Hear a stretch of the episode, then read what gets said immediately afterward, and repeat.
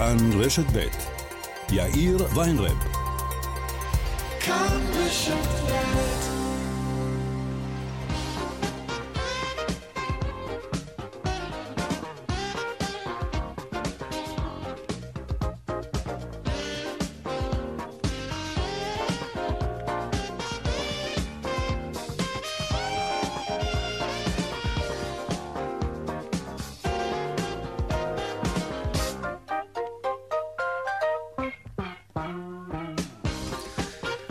וכמעט חמש דקות כאן צבע הכסף ברשת ב' יום ראשון, שלום רב לכם, שבוע טוב. בהפקה רונית גור אריה, טכנאי השידור אריאל מור, הדואל שלנו הוא כסף, כרוכית, כאן.org.il. אני יאיר ויינרב, מעכשיו עד חמש אנחנו מיד מתחילים.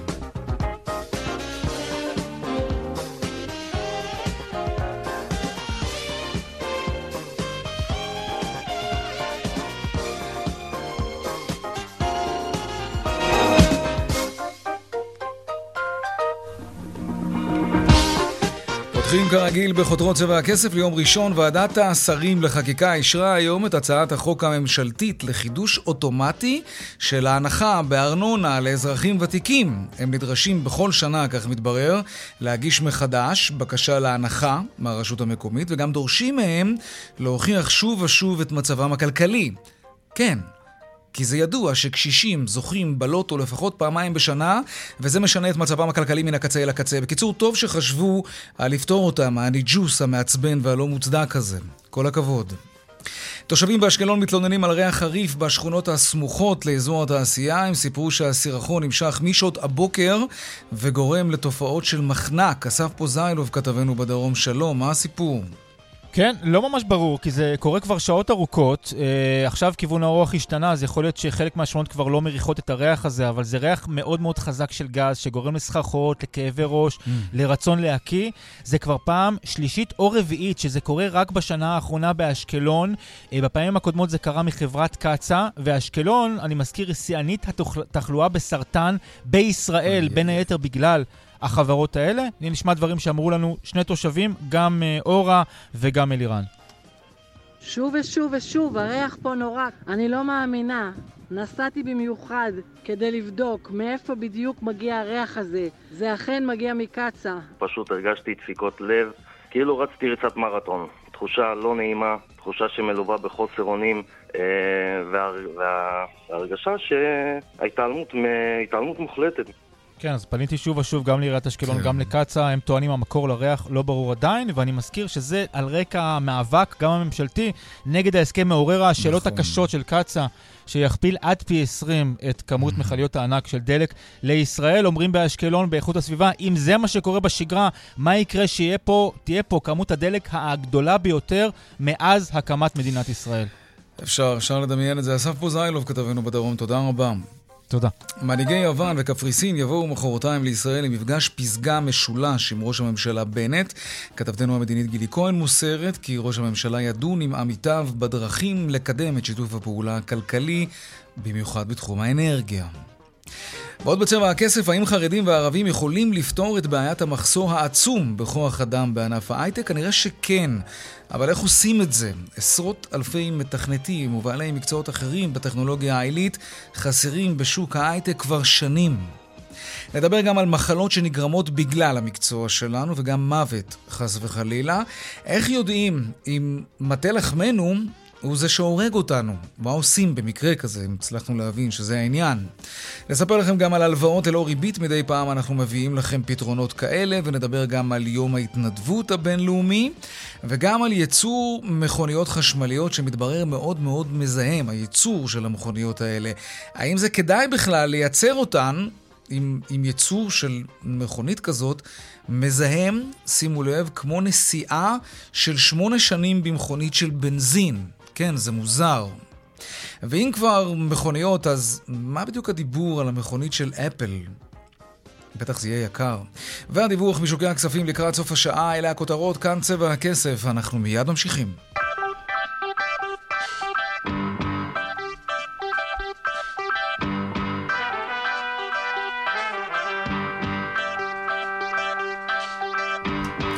אנחנו פותחים עם המטבעות הדיגיטליים, שיגעון מוחלט מה שקורה בשוק הזה, שוק הקריפטו, לטוב ולרע, תלוי באיזו פוזיציה אתם נמצאים. שלום אלי בז'רן, הוא מנכ"ל ומייסד אה, B2C, שלום לך. אהלן, מה נשמע? אני בסדר, תגיד, מה, ירידות חדות כאלה בכל המטבעות הפופולריים, נדמה לי, ובראשם הביטקוין, מה, מה קורה? מה קרה? אני מוותר מראש על השאלה מה יקרה, כן? אה, מה קורה, מה קרה, מאוד דומה למה יקרה. אה, כן, מה שיקרה זה המשך עליות וירידות. אה, כמובן שמי ש... שמתעניין אה, בשוק הזה יודע שהשוק הזה הוא מאוד מאוד תנודתי בקיצוניות. זאת אומרת, אם אנחנו רואים ירידות בשווקים הפיננסיים המסורתיים, שעוברים לשוק הקריפטו שהוא יותר קטן ומונע על ידי יותר בוטים ולוגריתמים, השוק הזה מגיב ביותר קיצוניות, וזה בדיוק מה שאנחנו רואים. ו... אני יודע שזה נשמע ככה אה, לפעמים קצת מתנשא, אבל זה היה צפוי. לא, זה לא נשמע מתנשא, אבל זה לא בדיוק מפתה גם. זה לא בדיוק מפתה אנשים להיכנס לעולם הזה כשהוא כל כך תנודתי. כן, אז כשמדברים על הפיתוי הזה, באמת צריך להבין אה, שזה לא מתאים לכל אחד. זאת אומרת, אמנם הוא תנודתי, כן. ואפשר לנצל ולמנף את התנודות האלה, אבל לטווח הרחוק, הביטקוין בעשור האחרון עדיין מראה תשואה של כ-200 אחוז לשנה. זאת אומרת, עם כל הנפילה שחווינו בסוף שבוע האחרון, רק שנה שעברה, בדצמבר 2020, הביטקוין היה 19 אלף דולר. עכשיו, אחרי הנפילה אנחנו ב-49 אלף דולר. כלומר, צריך עצבים של ברזל. הדברים האלה בפרופורציה. כן, צריך עצבים כן. חזקים, וצריך גם ראייה לטווח ארוך. אז, אז כדי למסגר את הפרק הזה, אם מישהו עכשיו כן. מתלבט. אם להתחבר לעולם הזה של המטבעות הדיגיטליים, באיזו עצה הכי טובה בעולם היית מצייד אותו באמת? אה, בטח שמעת על עצת ההודל. לקנות, אה, לשמור, לא לנסות לסחור, לנסות להשתתף בחגיגת הטכנולוגיה הזאת, mm-hmm. לקנות קצת, לקנות בסכום שאתה יכול להרשות לעצמך לאבד, mm-hmm. במידה וזה לא יצליח כמו שציפית, אה, ופשוט לא לנסות לסחור. הסוחרים הם אנשים מקצועיים, לפעמים זה לא אנשים, זה אפילו בוטים או לוגריתמים mm-hmm. שפועלים אה, בעצמאות מסוימת בשביל להשיג רווחים, אה, ומי שהוא לא סוחר, זה בסדר גם להשקיע ולהמתין, פשוט לא לסחור, לא לקנות ולמכור. לא לרדוף זה. זה נכון שהבוטים האלה, האלגוריתמים, הבינה המלאכותית הזאת בעצם, אה, יודעת לקבל החלטות באמת בשברירי שנייה ואף פחות מזה, כשהן מזהות איזושהי מגמה בשוק, ולפעמים אפילו הן, הן בעצמן, הטכנולוגיות האלה, הבינה הזאת, היא הנבואה שמגשימה את עצמה. כלומר, אם הם רוצים עכשיו אה, נכון. למכור, אז, אז הם ידאגו ש, שזה, שזה יהיה גבוה, ואז יפילו את השוק. כלומר, לגרוף נכון. רווחים. יותר מזה, אני אגיד לך, שהשיקולים של הלוגריתמים האלה והבוטים כן. האלה, הם מאוד מאוד קרים. זאת אומרת, לא, הם לא מסתכלים על מה, אה, על מה זה עלול לגרום, או מה תגובת השרשרת, הם מאוד קרים, ואם לדוגמה, אה, יש, יש איזשהו חישוב שמוצא פוזיציה, שעכשיו דווקא אם הוא ימכור או ינסה להפיל את השוק, הוא מרוויח יותר. נניח על שורטים או על מנופים אחרים, הוא יעשה את זה בלי לחשוב פעמיים. אה, ולפעמים, הרבה פעמים, גם בשוק המסורתי אנחנו רואים שזה זה, זה מתחיל איזשהו כדור שלג שלא תמיד אה, אה, יודעים איך זה נגמר. זה כבר הפיל את השווקים המסורתיים. ה algo trading למשל, זה מאוד מקובל בארצות הברית, זה נדמה לי גם פעיל בארץ. יש, יש חברות שיודעות לעשות algo trading, נכון? נכון, נכון. זה כבר היום, זה נחשב היום כבר סטנדרט בכל הבורסות הגדולות בעולם. Mm-hmm. כמובן שארצות הברית מובילה בזה.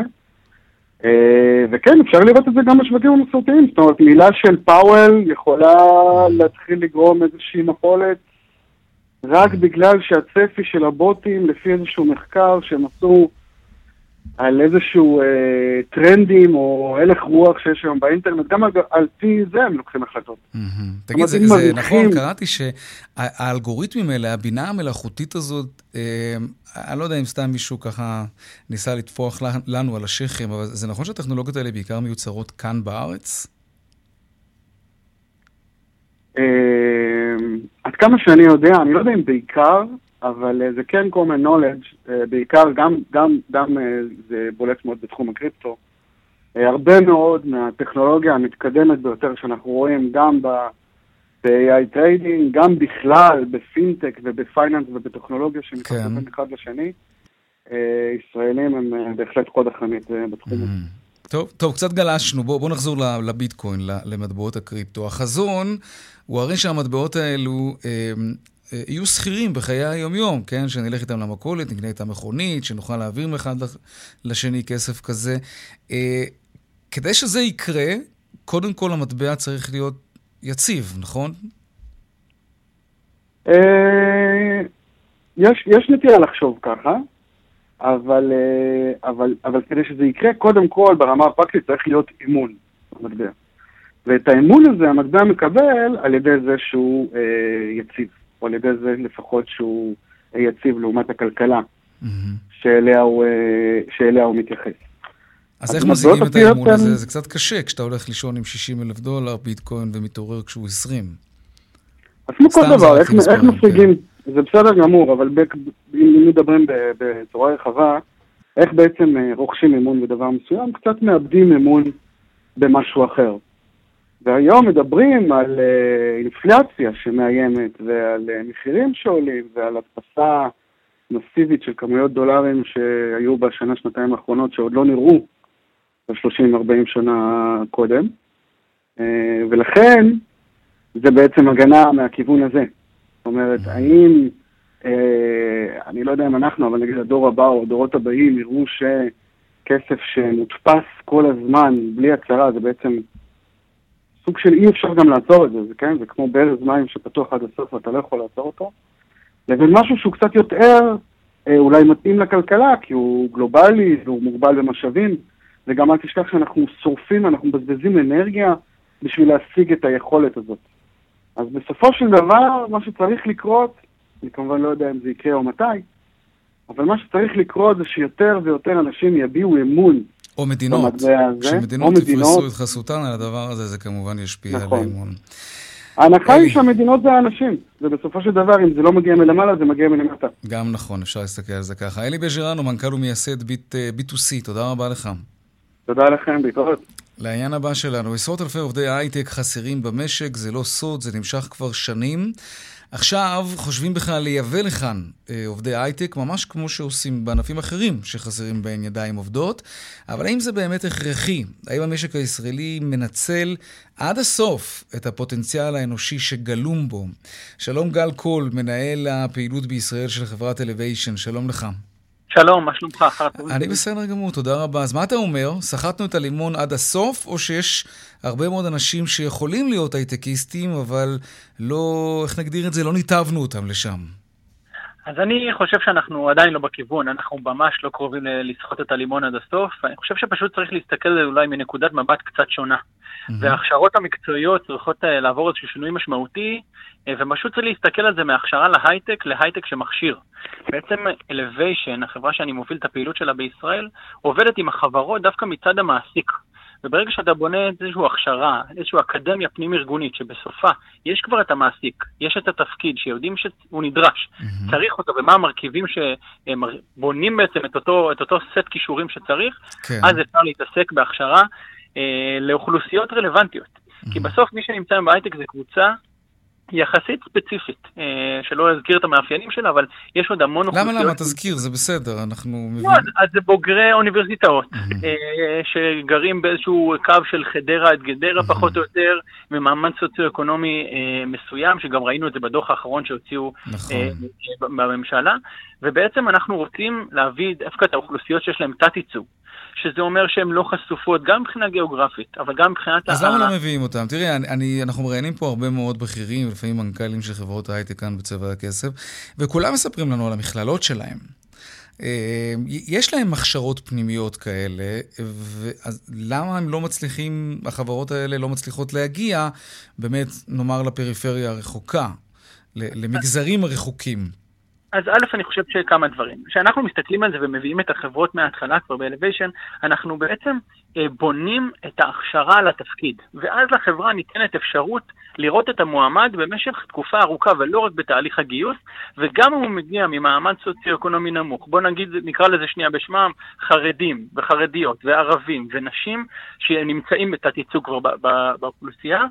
בתעשיית הייטק, אז בעצם אנחנו בונים להם הכשרה ייעודית, מותאמת, שהם ממש נכנסים... הכשרה למה? מה יכול לצאת מהכשרה כזאת? יכול לצאת מתכנת או מתכנתת? חד משמעית, Elevation כבר המון שנים... הנדסאי תוכנה, מהנדס תוכנה, עד כדי כך? זאת כן, אקדמיה בעצם כבר. מפתחי full stack שיכולים להיכנס למרות שהם למדו או לא למדו תואר אה, אה, כזה או אחר, ובעצם בדרך הזאת אנחנו פחות מעמיסים על המנהלים שיקלטו אותם, פחות מעמיסים על הצוותים שלהם שצריכים להצמיד את זה בחור שהוא ותיק עם בחור שהוא צעיר ולחנוך אותו. אנחנו בעצם מכינים אותם בצורה המושלמת ביותר לתעסוקה, ואז אנחנו מצליחים לעבוד עם אוכלוסיות. אלוויישן היום מובילה קורס לחרדיות, לאקדמאים ואקדמאיות ערבים. אתה יודע, למשל במטריקס יש להם פרויקט מדהים עם נשים חרדיות, שהוא מאוד מאוד מוצלח, אבל...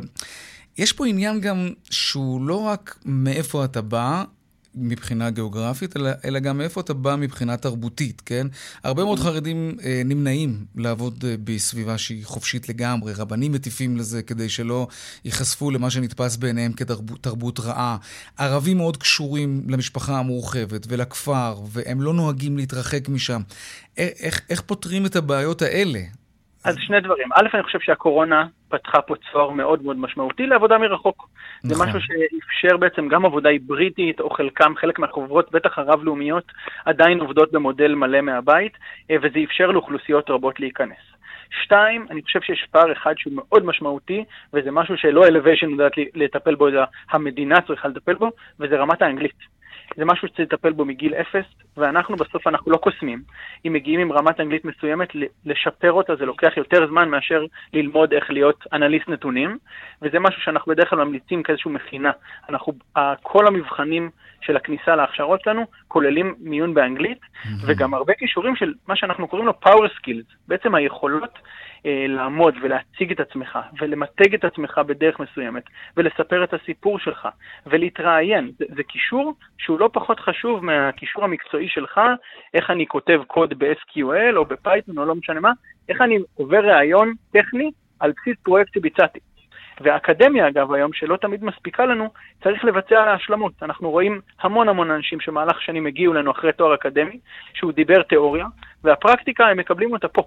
ואם אנחנו בסוף מביאים אה, תוכנית שיש בסופה ארבעה, חמישה מעסיקים אה, גדולים, חזקים, שמגייסים בכמויות מאוד מאוד גדולות, אנחנו, החיבור הזה בעצם, אנחנו הגשר בין התעשייה לבין המשתתפים. וככה זה מצליח, ואז אתה מצמצם בעצם את התת-ייצוג, את האפשרות של עשו צבא או לא עשו צבא, אז אין להם את הנטוורקינג, הם כבר לא נהנים מהחבר מביא חבר היום שהוא, החברות מעידות שהוא 30% מתהליכי הגיוס, הם מחבר מביא חבר. וזה הוכח ב-80% שזה האנשים שנשארים לאורך זמן גם. אה, נשארים לאורך זמן, מתאימים לתרבות הארגונית, מתקדמים. גל. כן, זה מעניין. טוב, אנחנו מקווים שזה יתפוס תאוצה. כי, מעולה. כי אנחנו מדברים, נדמה לי, היום על משהו כמו 40 אלף עובדים שחסרים. בענף הזה, שהוא הקטר של המשק שלנו.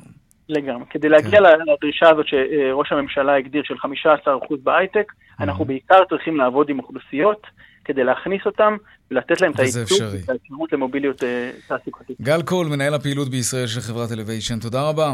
תודה לך. להתראות. לעניין הבא שלנו, קניתם דירה מקבלן בשעה טובה, מזל טוב. איך, איך מוודאים שמעבר למה שאתם רואים בעיניים, כן, לעיצוב של הדירה, שהקירות במקומות הנכונים, אה, והדברים שהזמנתם באמת נמצאים שה, שהכל קשור, אה, מה קורה בתוך הקירות, אוקיי? האם איכות הבנייה היא טובה? האם יש בידוד טוב? אקוסטיקה? הצנרת? אה, יש מלא פרמטרים שאנחנו לא כל כך מודעים אליהם. וגם לא מבינים בהם. גם אם היינו רואים, לא בטוח שהיינו יודעים שאנחנו רואים משהו שהוא לא בסדר. שלום ערן סיב, יושב ראש התאחדות קבלני השיפוצים. שלום יאיר, מה שלומך? מה שלומך? הכל טוב? השבח לאל ותודה לשואל, הכל בסדר. אה, יופי, תראה, אחד הדברים שמאוד באופנה בשנים האחרונות זה, זה להזמין קונסטרוקטור חיצוני, לפני שמקבלים מפתח, שלא תלוי בקבלן כמובן, כדי שיבדוק את הנכס, את הדירה, את הבניין, את המרחב הציבורי של הבניין. לפעמים הדיירים אפילו מתאגדים, ו- ו- והוא נותן איזושהי חוות דעת ומוצא ליקויים אם יש. אני רוצה לשאול אותך, כמי שמכיר את השטח, גם בבניינים חדשים וגם פחות חדשים, ובוודאי בבניינים ישנים, זה בזבוז כסף או שזה משהו שחייבים לעשות אותו, ערן? רגע, אני רוצה להבין את השאלה שלך. אתה מדבר על דירות חדשות? כן. או אתה מדבר... אז דירות חדשות לא מביאים קונסטרוקטור, מביאים חברות אה, בדק בית שיבדקו את ה... דירה לפני הקבלה. מה לא הם בודקים? אה, מה הם בודקות החברות האלה? הם, אה, תראה, יש חוק מכר דירות. החוק מכר דירות נותן אחריות לבן אדם, דוגמה, אלומיניום שנתיים, איתום ארבע שנים, אה, כן? אה, צנרת באופן- ארבע שנים. באופן אוטומטי? אבל מה? נכנסתי אבל- לדירת קבלן, יש לי על האלומיניום אחריות של שנתיים, כלומר משהו כן, קורה, אז כן, על אוקיי. הריצוף שנתיים, על האלומיניום שנתיים, על האיתום ארבע שנים, על התנתקות של עריכים בחוץ יש לך שבע שנים, על צנרת מים יש לך ארבע שנים, זה חוק מכר דירות. אה, כל אחד שבענף יודע את החוק ומכיר את החוק, ויש לך אחריות על הדברים האלה. אז למה אני צריך בדק. בית? אני יכול. להיכנס חופשי, ואם אני רואה משהו מתנדנד, אני קורא לקבלן. אחלה שאלה. אנשים לא רוצים, אחרי שנכנסים לבית, להתחיל אה, להתקשר לקבלן, תעשה לי את זה, תעשה לי את זה, תעשה לי את זה. עדיף לפני. להפסיד ימי עבודה, כן. להתחיל להתפלמס איתו עד שהוא מגיע, עד שהוא עושה את זה, זה עושה לכלוך, זה עושה אבק. אנשים רוצים לגמור את הכל לפני, ולא רוצים תקלות אחרי. אז בגלל זה אנשים מצאו את החברות בדק בית האלה, משלמים להם פחות או יותר על בדיקה פלוס מינוס 1,500 שקל, עושים להם דוח. לא על שריטה באלומיניום שכל אחד רואה. על כל מיני דברים, על עריכים חלולים לפעמים, על רובה פתוחה, אה, על מים שלא יורדים למרזיבים, על כל מיני דברים שלפעמים אנשים לא מודעים להם, ועשוי, הדברים האלה עשויים בעתיד לגרום נזק לבניין, לדירה או למבנה. ואני אתן לך, אה, בוא נגיד אה, סיפור קטן, כן. שבאים לבדוק את ה... את המים, את הנזילות של המים. אם יש לך גג מרוצף, אתה שופך בלי מים, ואתה רואה אם המים פשוט זורמים למרזבים. אם המים עומדים ולא זורמים למרזבים, יכול להיות שעוד שנה, שנתיים, אפילו שלוש, יהיה לך נזילה. המים צריכים ללכת לאט-לאט ולזרום לאט-לאט לכיוון המרזב. השיפוע הוא צריך להיות אה, אה, מינימום אחוז אחד.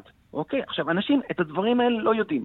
עכשיו, אתה מביא חברת בדק בית, היא בודקת את זה, היא רואה את זה, היא רואה שהשיפוע בסדר, מצוין, היא רואה שהשיפוע לא בסדר, אומרים לקבלן, תפרק את כל הקרמיקה, שהשיפועים יהיו טובים, שהמים יזרמו למרזבים, כי הלקוח שלי לא רוצה בעתיד שיהיה לו נזילות או, או בעיות של איתום. אז זו דוגמה ברור. קטנה שאני נותן לך. תן לנו עוד דוגמה. עוד, עוד דוגמה, עריכים, עריכי קרמיקה. בדרך כלל כשאתה מרצף את העריכים גם על הרצפה וגם על הקירות, אתה רואה עריכים יפים, טובים, אבל מה, אם אתה דופק עליהם לפעמים, אתה שומע קול של חלול. אם לא שמו טיט בצד האחורי של האריח מספיק טוב, האריח הזה יכול להיות חלול, לפעמים הוא גם אחרי חצי שנה ושנה וגם יכול להתנתק וגם ליפול. אז זה גם דברים שהחברות האלה אה, בודקות, וזה חשוב שיבדקו את הדברים האלה, כי אתה לא רוצה למצוא את עצמך עם עריכים של קרמיקה אחרי שנה, שנתיים, שלוש, שפתאום מתקלפות לך ויוצאות לך, ותרוץ אה, לקבלן ותתחיל עוד פעם שיפוט שלם. כבר לא תמצא אותו. בדרך- כבר לא? תמצא, כבר לא תמצא אותו אם תרוץ אליו אחרי כמה שנים. תגיד, אתם אני אתן כקבלן... לך עוד דוגמה אחרונה, כן, דוגמה כן, כן. קירות, כשאתה בא להסתכל על הקירות, כולם נראים לך ישרים, טובים ואחלה קירות. אבל אם תיקח סרגל גדול של שניים, שלושה מטר, ותשים על הקיר, אתה תוכל לראות אם הקיר באמת ישר, או הקיר הזה עקום. Mm. אז אם הקיר הזה עקום, הם צריכים לתת לך קיר ישר. אז זה דברים קטנים שאנשים לא אתה מודעים נתקל להם. בקירות עקומים?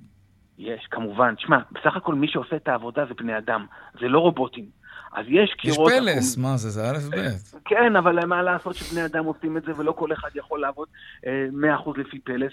אז יש תקנים ויש חוקים, והקירות צריכות להיות כמה שיותר ישרים. ויש את החברות שמתפרנסות מזה, שזה חברות בדק בית שהן באות, עושות את הבדיקה הזו לטובת הבן אדם, שבעתיד לא יהיו לו חס וחלילה צרות, וגם הן נותנות אחריות על הבדק בית, על הדוח הזה שהן נותנות.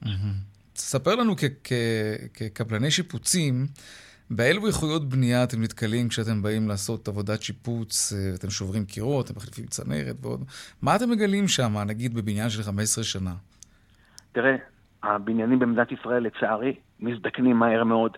אנחנו בייחוד בקו החוף, אנחנו ליד הים, כן. יש את המליחות, המלח אוכל את, ה, את הטיח ואוכל את הבתים, וההזדקנות של הבתים היא באמת אה, מאוד מאוד גדולה. ואנחנו עדים להרבה הרבה אה, בתים שהנראות שלהם, גם החיצונית וגם הפנימית, ממש בצורה לא טובה. אנחנו נאלצים להתמודד עם זה כל יום, על בתים שבאמת אפילו מאוד מאוד קשה לחיות בהם, כי כל הזמן יש לך נזילות, כל, פעם- כל הזמן יש לך בעיות של איתום, כן. כל פעם בעיות של אינסטלציה. המדינה שלנו מזדקנת, וענף השיפוצים בגלל זה, אוקיי? משגשג. יש לנו המון המון המון עבודה, בוא נגיד בשנה האחרונה, של הזדקנות המבנים במדינת ישראל, וצריך לשדרג אותם, לשפר אותם ולחדש אותם. כן. אבל אתה יודע, אין מה לעשות, כל אחד והמקצוע שלו, יאיר. נכון. אתה משדר ברדיו, אנחנו צריכים לעבוד עם הידיים ולעשות עבודת שיפוצים, ואנחנו אוהבים את מה שאנחנו עושים, ואני חושב שאם עושים את זה נכון... גם אנחנו השדרנים אוהבים, וגם אנחנו עובדים עם הידיים, תדע לך. כן, אבל אתה יודע, עוד דבר מאוד חשוב, יאיר, מה שעולה בזול שווה ביוקר. אז בדרך כלל באים איזה... אין דבר כזה לקנות בזול, מה שנקרא, כן. נכון. כי אין, אין ארוחות חינם ואין מתנות חינם, יאיר. אם באים ונותנים לך מתנה חינם ואומרים לך, קח שיפוץ חצי מחיר. יש לך איזה נורה אדומה שצריכה להידלק ותגיד, או, כאן אני צריך להיזהר. אין כאן, אף אחד לא ייתן לי איזה מתנה חינם, נכון? זה ברור. אז צריך מאוד מאוד להיזהר מהדברים האלה. אבל uh, סבבה, אני חושב שכולם עכשיו עובדים, תקופה טובה לענף. אני חושב שהדבר האחרון שאני רוצה להגיד, כן. האחרון, יש לי עוד חלום קטן שאני צריך להגשים, אתה יודע. והוא? אנחנו רוצים לפתוח אקדמיה למקצועות ענף הבנייה במדינת ישראל. וואו, זה ישנה את התדמית. שבאקדמיה הזו, כן. גם קבלנים יוכלו לעלות סיווג, גם מנהלי עבודה יוכלו אה, לקבל אה, תעודה של מנהל עבודה, וגם עקרות בית יוכלו לדעת ו... איך, כן, יש, לה, יש איך להחליף, להחליף מנורה, כן. לתלות תמונה, וגם, כן, וגם נכון. האחרון, וגם מובטלים יוכלו ללמוד מקצוע באקדמיה הזו תוך חצי שנה. נכון. כן, תוך חצי שנה כן. מובטל יכול ללכת לאקדמיה, ללמוד לרצף, לטייח. מובטל או מובטלת. ובן גואל יש לו כן. מקצוע. כן, נכון. נקווה מהרה בימינו שזה יקרה. ערן סיב, יושב ראש התאחדות קבלני השיפוצים, תודה רבה לך. תודה יאיר, כל טוב. להתראות, ביי ביי. דיווחי תנועה עכשיו.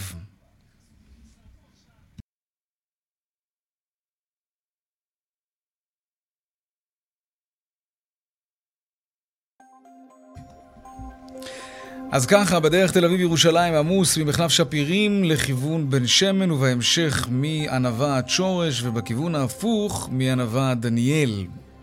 דרך חמש מזרחה עמוסה מגלילות עד אה, מחלף ירקון.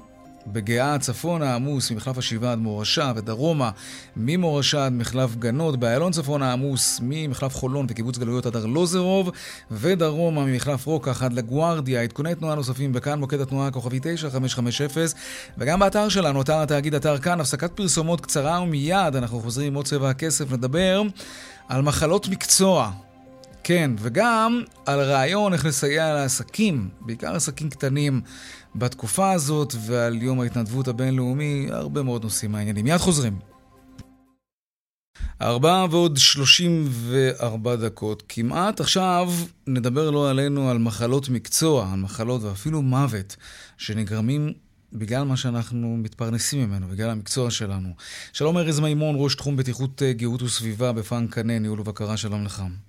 שלום וברכה. תסביר לנו יותר על מה מדובר. קודם כל, כפי, ש, כפי שתיארת, מחלת מקצוע או מחלה תעסוקתית בעגה המקצועית, היא למעשה, למעשה מחלה שמתהווה בגופו של עובד בגלל אופי העסקתו.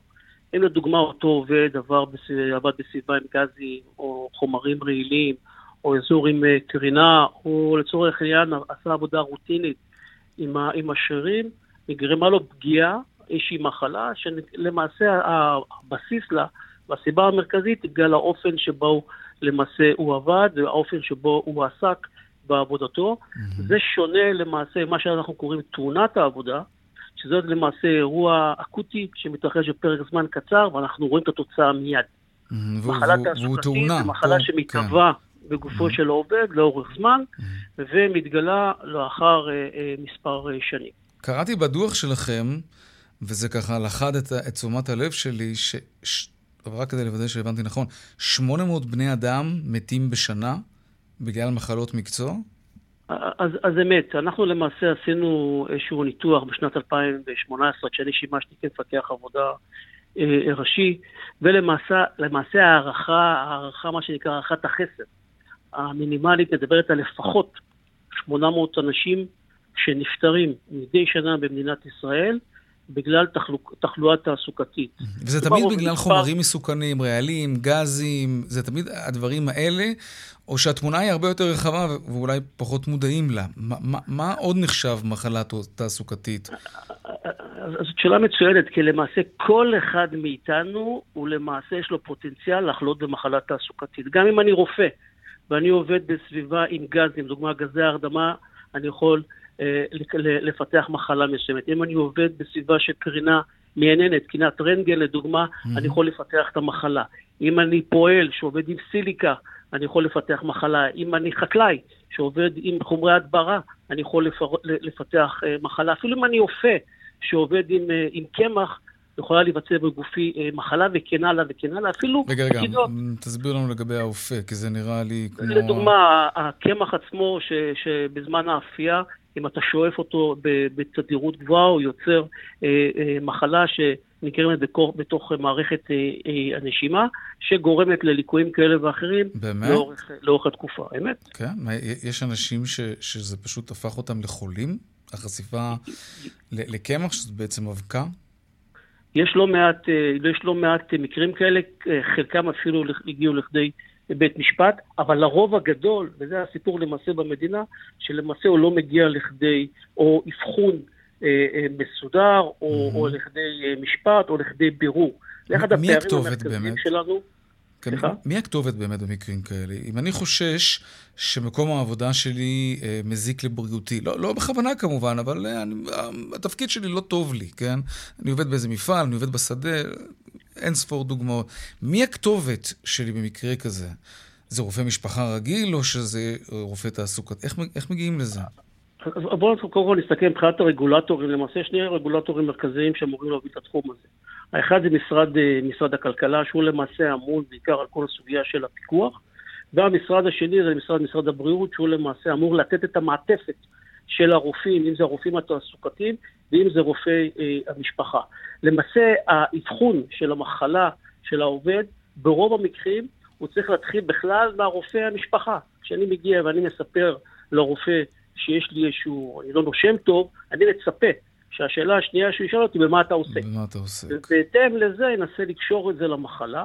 הרובד הנוסף זה למעשה הרופאים התעסוקתיים, שלמעשה אמורים ללוות את המפעלים ואת העובדים במהלך העבודה שלהם ולקיים סוג של פיקוח וסוג של mm. בקרה על הבריאות שלהם. אבל יש פה תמיד את הדילמה הזאת, כי בן אדם שמתחיל תהליך כזה מבין ש- שזו ויה דלה רוזה בסופו של דבר. בן אדם צריך להתפרנס.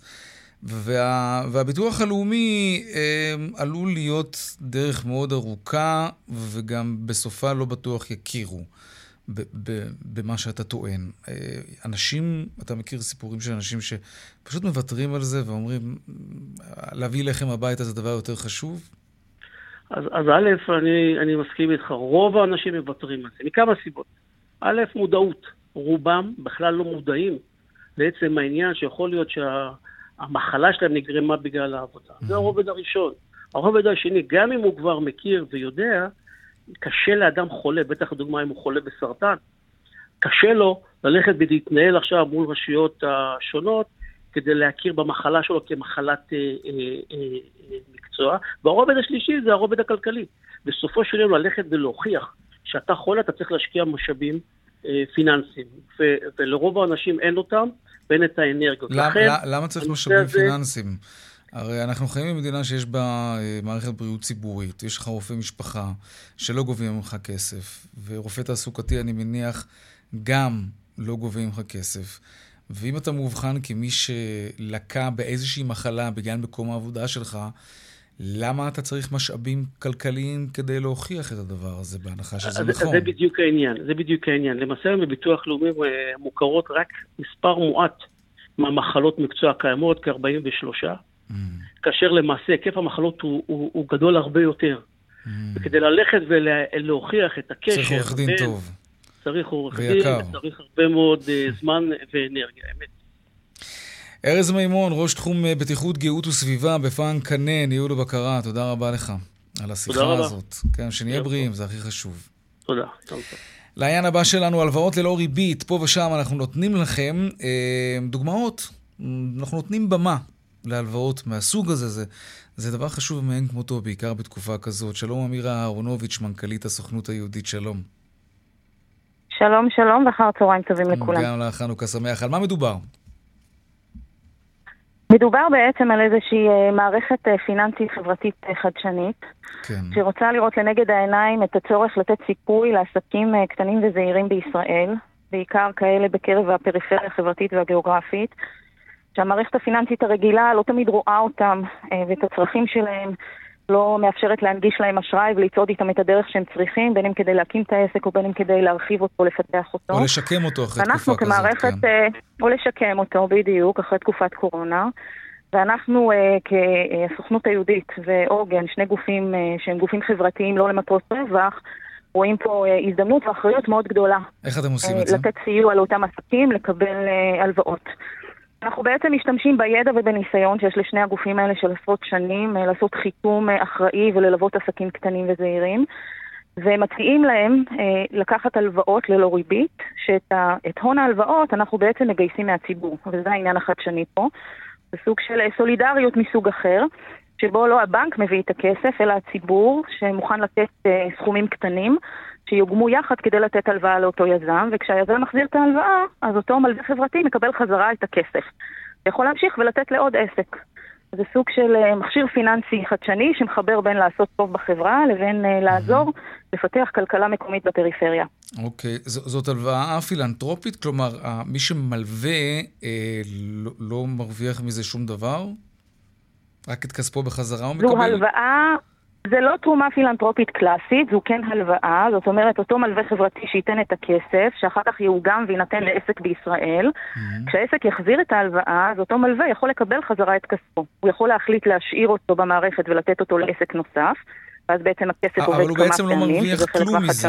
אותו נדבן, לא הוא יכול למשוך חזרה, כן. אותו, לא, אותו מלווה חברתי יכול בהחלט למשוך את הכסף חזרה לבנק ולקבל חזרה את כספו, הוא מקבל את הקרן, הוא לא מקבל ריבית, אבל הוא בהחלט מקבל את כספו חזרה, mm-hmm. וזה מה שנקרא השקעה חברתית. אוקיי, הוא יודע שהוא עושה משהו טוב עם הכסף. בוא נהיה פרקטיים. אני, יש לי נגיד אה, חנות אה, קטנה או מטריפה ברחוב אחוזה ברעננה, אני בסדר, אבל אני חייב איזה 50 אלף שקל ככה ממש כדי לעמוד על הרגליים, ואולי אפילו טיפה להרחיב את העסק, כי הכלכלה חוזרת לעצמה, ובבנקים עושים לי פרצוף. וגם הריבית די גבוהה. האם, האם אני קהל היעד להלוואות כאלה שאתם נותנים? אז קודם כל המערכת, המערכת של ספארקטי, המערכת יש לה קריטריונים לזכאות, הזכאות תיבחן בין השאר המיקום הגיאוגרפי של העסק, בין השאר הבעלים של העסק, לראות שזה אוכלוסיות מקרב האוכלוסיות היותר מוחלשות, או פריפריה גיאוגרפית, עוטף mm-hmm. עזה, נגב, גליל, אוכלוסיות עולים, חרדים, ערבים, אוכלוסיות שבאמת יותר קשה להם לקבל את האשראי. Okay. אוקיי. וברגע שאתה עובר את מבחן הזכאות הראשון הזה, אתה תגיש בקשה, בקשה שהיא פשוטה והיא דרך המערכת הטכנולוגית, שתעבור חיתום מהיר ותוודא אחד, שאכן ההלוואה הזאת היא משהו שיעזור לך להעמיד על הרגליים את השלב הבא של העסק, וב' שאין פה סיכון יתר על המידה. זאת אומרת שיש סבירות גבוהה שאם תקבל את ההלוואה תוכל גם להחזיר אותה, יש לנו בסך הכל עניין שהלוואות יוחזרו. אבל כן, עם איזושהי אה, אה, יכולת ללכת צעד נוסף של סיכון עם היזם, משום שאנחנו רוצים לעזור להם לעמוד על הרגליים. אם הלווה לא מצליח... תקבל תוך 14 יום תשובה חזרה. אם הלווה לא מצליח לעמוד בהחזר, לא, לא בזדון כמובן, אה, העסק שלו קרס כלכלית בסופו של דבר. אז קודם כל, חלק מהיותנו פלטפורמה חברתית אומר שאנחנו נמצאים בקשר עם היזמים והולכים איתם צעד בצעד, לפעמים עוזרים to refinance ולפרוס מחדש תשלומים, עושים כל מיני צעדים לפני שמרימים ידיים. אבל יש פה סיכון מצד המלווה? כלומר, מי שמלווה לוקח סיכון, סיכון שהוא לא ירד כספו חזרה?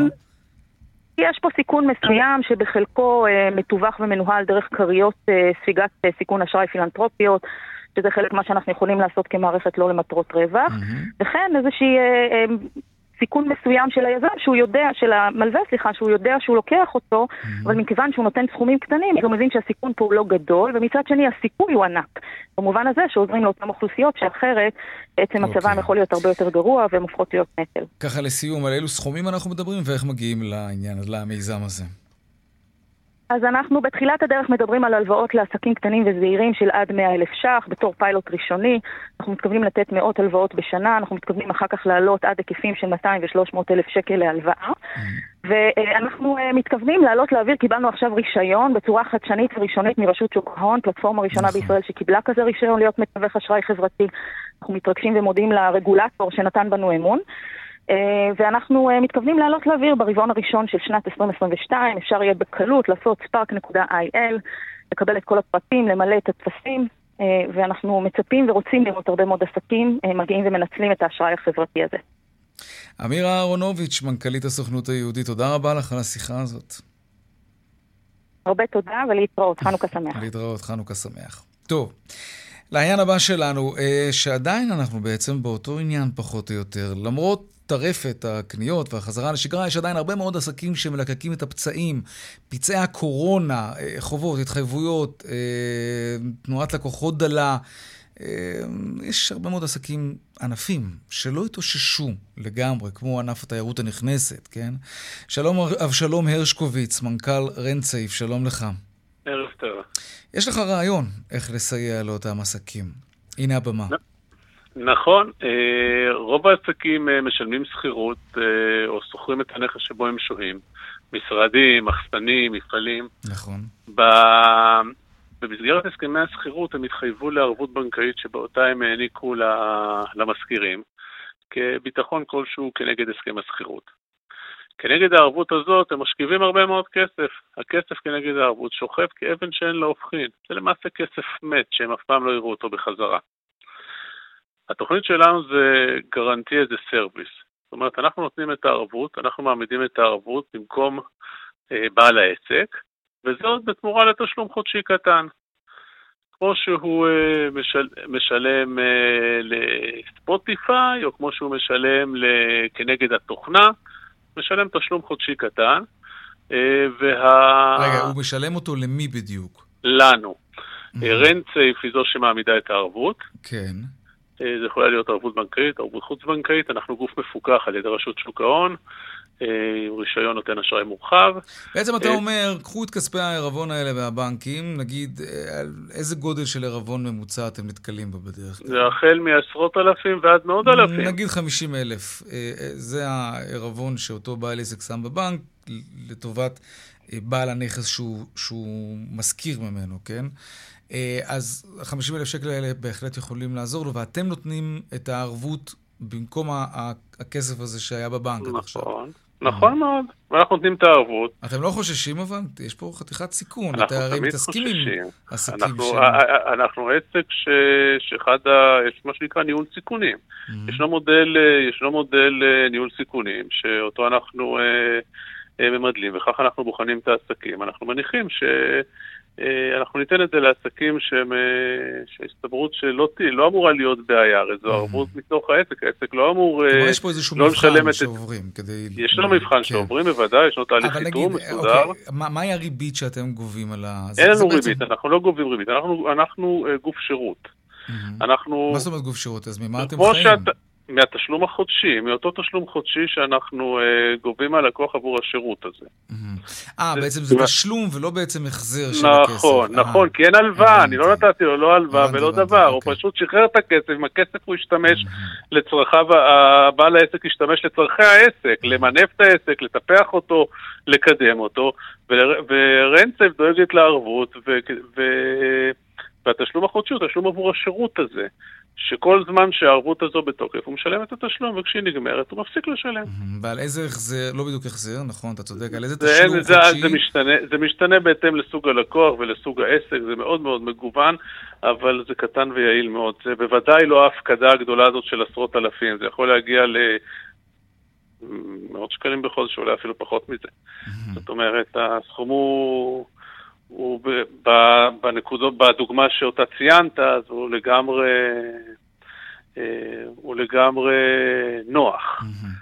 ובתמורה, כמובן, העסק מקבל את אותם עשרות אלפי שקלים שהוא העמיד אה, בצד. נכון, הוא לוקח את העסק, העסק, אה, בדיוק, הוא מתפטר מה, מהעוגן הזה, מהעוגן, ה... מהעול, סליחה, כן. מהעול שיש לו על, ה, על הכתפיים בעקבות זה, והכסף חופשי ומשוחרר. זה, זה המודל וזה הדבר, הוא פשוט, אה, הוא נוח, אה, הוא מתאים לכל סוגי העסקים כמעט. אה, כולם הרי משתמשים במשרדים, אם זה מקצועות חופשיים או, או מקצועות טכניים, או מפעלים, או מרלוגים, או מחסנים וכך הלאה, כולם כחלק מהסכמי השכירות.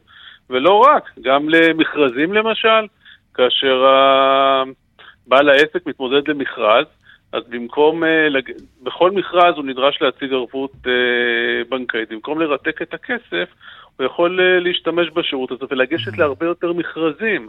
מעניין. והיכולת שלו... כן, זמננו כן. תם. תודה רבה. אוקיי, יאללה, תודה לכם. מנכ"ל רנצייף. סליחה. נכון. תודה רבה. ערב טוב לכולם. ביי ביי. דיווחי תנועה עכשיו. אז ככה, דרך 65 מזרחה עמוסה ממחלף עירון עד ערה, ובדרך 443 מזרחה עמוס מצומת מודיעין מערב עד צומת שילת, ודרך אשדוד אשקלון עמוסה ממחלף אשדוד עד, לעד אלום. ודרך 444 צפונה עמוסה מצומת אייל עד צור יצחק. עדכוני תנועה נוספים בכאן מוקד התנועה, כוכבי 9550 ובאתר שלנו, אתר התאגיד אתר כאן. הפסקת פרסומות קצרה ומיד אנחנו חוזרים עם הדיווח משוקי הכספים, אולי עוד משהו אם נספיק.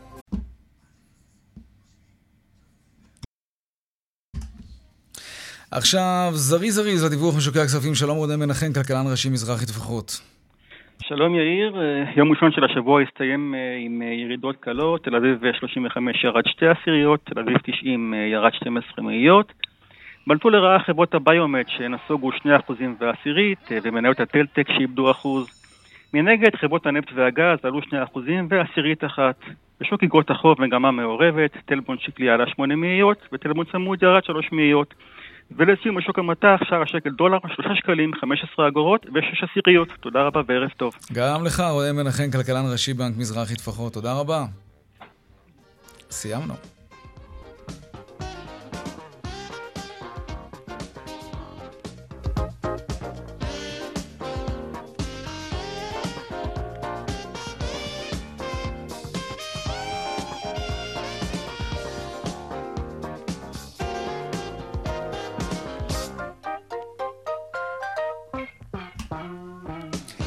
כן, עד כאן צבע הכסף ליום ראשון בהפקה רונית גור אריה. טכנאי השידור שלנו היה היום אריאל מור, במוקד התנועה חגית אלחייני. הדואל של צבע הכסף הוא כסף כרוכית כאן.org.il. מיד אחרינו שלי וגואטה, אני יאיר ויינרב, נשתמע כאן שוב מחר בארבעה אחר הצהריים.